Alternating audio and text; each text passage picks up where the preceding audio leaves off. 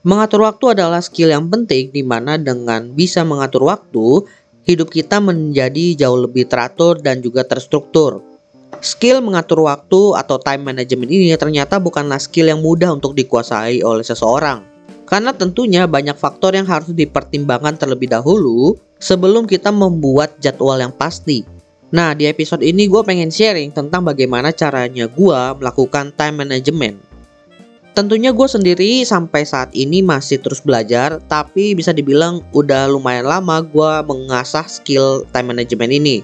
Banyak kesalahan yang udah gue lalui dan udah gue perbaiki, dan juga udah banyak hal yang gue coba untuk bisa menentukan pola time management gue, sehingga gue bisa memisahkan antara waktu kerja, waktu pribadi, dan juga waktu keluarga. Di sini udah gue pecah menjadi tujuh langkah atau tujuh step yang gue lakukan untuk bisa melakukan time management yang efisien. Langkah pertama untuk melakukan time management itu dimulai dari mindset dan juga niatnya dulu. Kita itu harus punya mindset yang clear dan juga niat yang kuat untuk bisa mau melakukan time management. Dari mindset dulu, di mana kita harus menentukan tujuannya apa kita melakukan time management ini. Untuk membuat lo lebih produktifkah? Atau membantu membagi waktu lo untuk hal-hal yang lain kah? Atau ada mindset-mindset lain yang intinya tujuannya itu harus kuat sehingga lu itu harus melakukan time management agar tujuan lu itu tercapai. Setelah ada punya tujuan, selanjutnya kita harus menguatkan niat kita. Karena percuma udah punya tujuan tapi kita nggak niat untuk melakukan time management. Udah capek-capek bikin timesheet, tau-taunya pas jamnya kita nggak melakukan aktivitas itu. Percuma kan? Jadi kita itu harus menguatkan niat kita untuk berani mengeksekusi time management yang sudah kita rencanakan. Kalau tujuannya udah jelas dan niatnya udah kuat nih, benar-benar ingin melakukan time management, barulah kita lanjut ke langkah kedua, yaitu mencari alat bantu yang sesuai. Alat bantu di sini bisa berupa tools, bisa berupa metode. Gue sendiri udah mencoba beberapa metode dan juga beberapa tools entah dari versi digitalnya bahkan versi manualnya. Dan bisa dibilang dalam kurun waktu lima tahun itu udah banyak lah yang gue coba. Gue menemukan banyak kelebihan dan kekurangan dari masing-masing metode dan juga tools. Sampai akhirnya di tahun ini gue menemukan tools yang menurut gue lumayan oke okay nih buat gue ketimbang tools-tools yang lain. Mungkin sedikit histori aja di mana gue itu awalnya menggunakan task list awalnya task listnya itu gue menggunakan aplikasi yang ada di laptop atau di komputer lah. Tapi agak kurang produktif karena kan harus aksesnya dengan cara buka laptop. Lalu berpindah ke mobile app. Di mobile apps bentuknya juga task list tapi di situ ketergantungan terhadap notificationnya lumayan tinggi sehingga kalau notifnya nggak muncul ya gue nggak inget gue harus ngelakuin apa. Dan juga kalau sananya berhubungan dengan yang namanya handphone atau smartphone ya pasti distraksinya itu lumayan tinggi. Kemudian gue juga pernah coba metode lain di mana bukan task list tapi gue pakai metode yang ada di kalender. Jadi gue mencatat aktivitas gue itu menggunakan Google Calendar. Secara notifikasi bisa dibilang lumayan efektif karena dia muncul terus. Cuma masalahnya balik lagi, gue aksesnya dari smartphone berarti banyak distraksi. Dan masalah kedua adalah cara menginput aktivitasnya itu lumayan ribet karena harus satu-satu. Dan akhirnya gue berpindah ke jurnal. Di mana nih jurnalnya itu bener-bener jurnal konvensional, ditulis pakai tangan. Awalnya metodenya juga gue masih pakai task list. Dan ternyata agak kurang efektif karena banyak memboroskan kertas. Padahal di dalam satu kertas itu task listnya itu nggak begitu banyak. Dan akhirnya sekarang gue pakai metode yang lain. Metode sekarang yang gue pakai adalah bullet journaling. Di mana gue nulis beberapa task yang harus gue kerjakan, kemudian gue menggarisbawahi mana tas yang menjadi prioritas yang harus gue kerjakan terlebih dahulu. Di mana jumlah prioritasnya itu nggak sebanyak tas yang gue tulis. Sehingga gue bisa lebih fokus ke tas yang diprioritaskan terlebih dahulu. Kalau udah kelar semua baru bisa nambah tas yang ada di atasnya. Sampai saat ini masih gue coba dan sejauh ini sih oke-oke aja. Cuma kalau memang ada perubahan lagi mungkin akan gue update di episode yang lain. Tapi menurut gue sejauh ini lumayan efektif. Intinya di sini adalah kalian itu perlu mencoba berbagai tools dan berbagai metode yang ada. Karena setiap orang itu punya pola masing-masing sehingga nggak semuanya itu bisa cocok ke semua orang. Dan menurut gua ini juga lumayan proses yang panjang jadi take your time, nggak apa-apa. Santai aja. Karena yang paling penting itu adalah kalian itu melakukan langkah ketiga, yaitu menentukan tas, kemudian prioritasnya juga. Banyak kasus di mana ketika kita disuruh ngelisting aktivitas mana yang harus kita lakukan dalam satu hari itu, kita bisa nulis banyak hal. Tapi ketika kita disuruh memprioritaskan, kita bingung mana nih yang mau diprioritaskan terlebih dahulu. Seolah-olah semua aktivitas itu prioritasnya tinggi. Kuncinya di sini adalah kita melimitasi prioritas yang harus kita lakukan dalam satu hari. Dalam kasus gue, gue harus memprioritaskan tiga aktivitas saja. Ketika sudah melewati tiga aktivitas tersebut dan masih ada waktu, gue baru masukin tas yang lain. Terus bagaimana caranya gue menentukan prioritas mana nih yang harus dikerjakan? Pertama gue bagi dari weekdays dan juga weekend. Di mana di weekdays gue memprioritaskan aktivitas yang berhubungan dengan kerja. Sedangkan weekend, prioritas gue itu adalah hal-hal atau aktivitas yang berhubungan dengan keluarga dan juga kebutuhan pribadi lah. Kemudian untuk weekdaysnya, aktivitas yang berhubungan dengan pekerjaan, itu waktunya gue blok dari jam 8 pagi sampai jam 5 sore. Ya bisa dibilang jam kantor lah. Di luar itu aktivitas yang gue lakukan selanjutnya adalah aktivitas yang berhubungan dengan keluarga dan juga kebutuhan pribadi tadi. Dan apabila ada kebutuhan untuk lembur, itu udah goblok dari paginya. Ketika gue benar-benar mau melakukan aktivitas di pagi hari. Sehingga dari segi waktu bisa dikatakan udah terbooking. Dari sini gue udah bisa menentukan nih mana aktivitas yang harus gue selesaikan terlebih dahulu. Kemudian aktivitas ini harus dikerjakan pada waktu apa. Sehingga aktivitas tersebut nggak memakan waktu di luar jam yang udah gue tentukan. Tapi kuncinya adalah di langkah keempat di mana kita itu harus fokus melakukan satu hal dalam satu waktu aja. Karena tadi kita udah melimitasi aktivitas itu menjadi tiga poin aja, sehingga dalam satu waktu itu kita harus fokus dalam satu tas terlebih dahulu. Ketika udah selesai, barulah kita ganti ke aktivitas selanjutnya. Begitu seterusnya sampai semua aktivitas selesai, baru kita menambahkan aktivitas baru dari list yang sudah kita tulis tadi. Dengan cara ini gue bisa lebih fokus menyelesaikan satu aktivitas terlebih dahulu tanpa terdistraksi oleh aktivitas lainnya.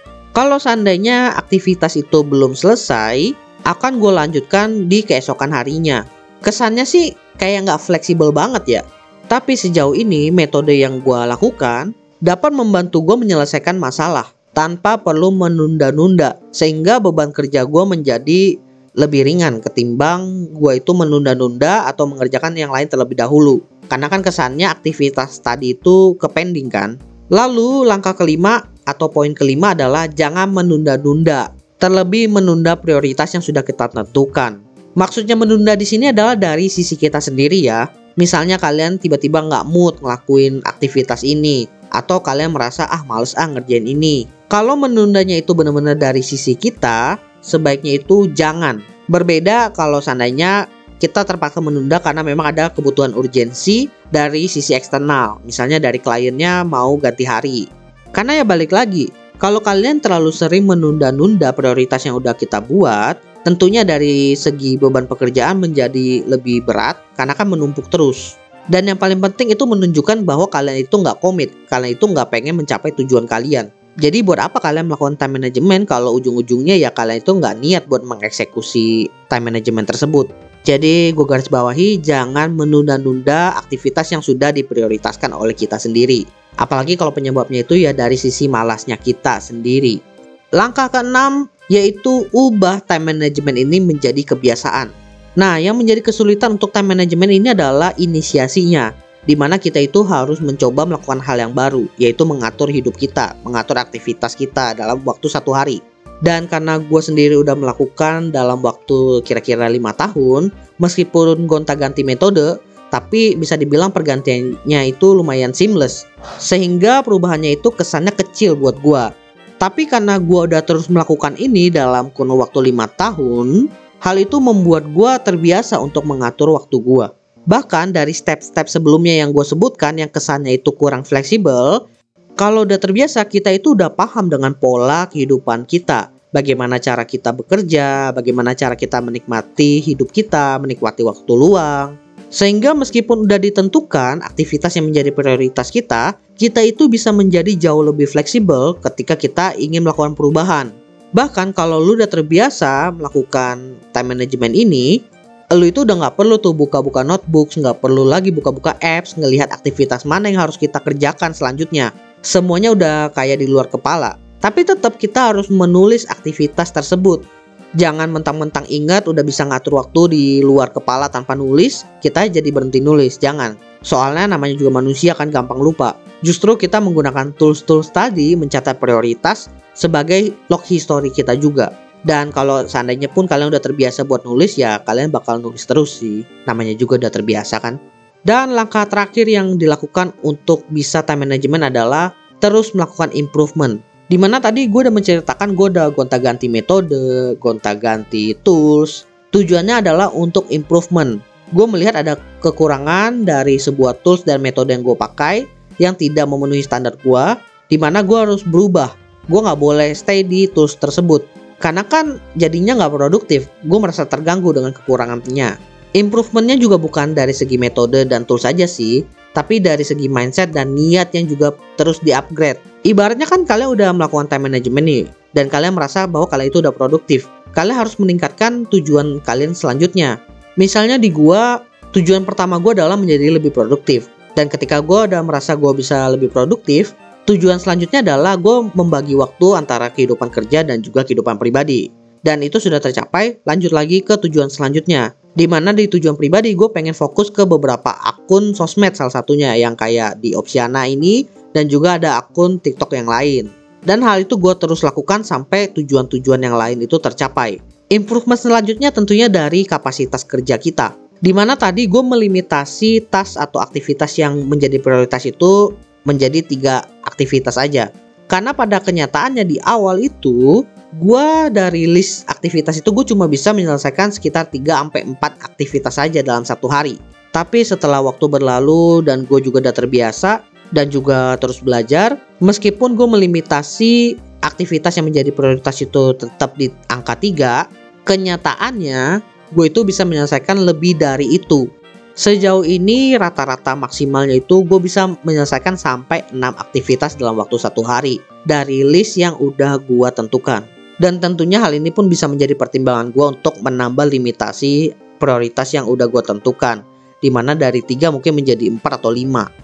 Improvement lain pun bisa dilakukan dengan cara menambah automation. Di mana tentunya aktivitas-aktivitas yang kesannya itu rutin, kemudian memakan waktu dan merepotkan, tapi ternyata bisa diotomasi, ya udah diotomasi aja. Sehingga memberikan slot waktu buat kita melakukan aktivitas yang lain.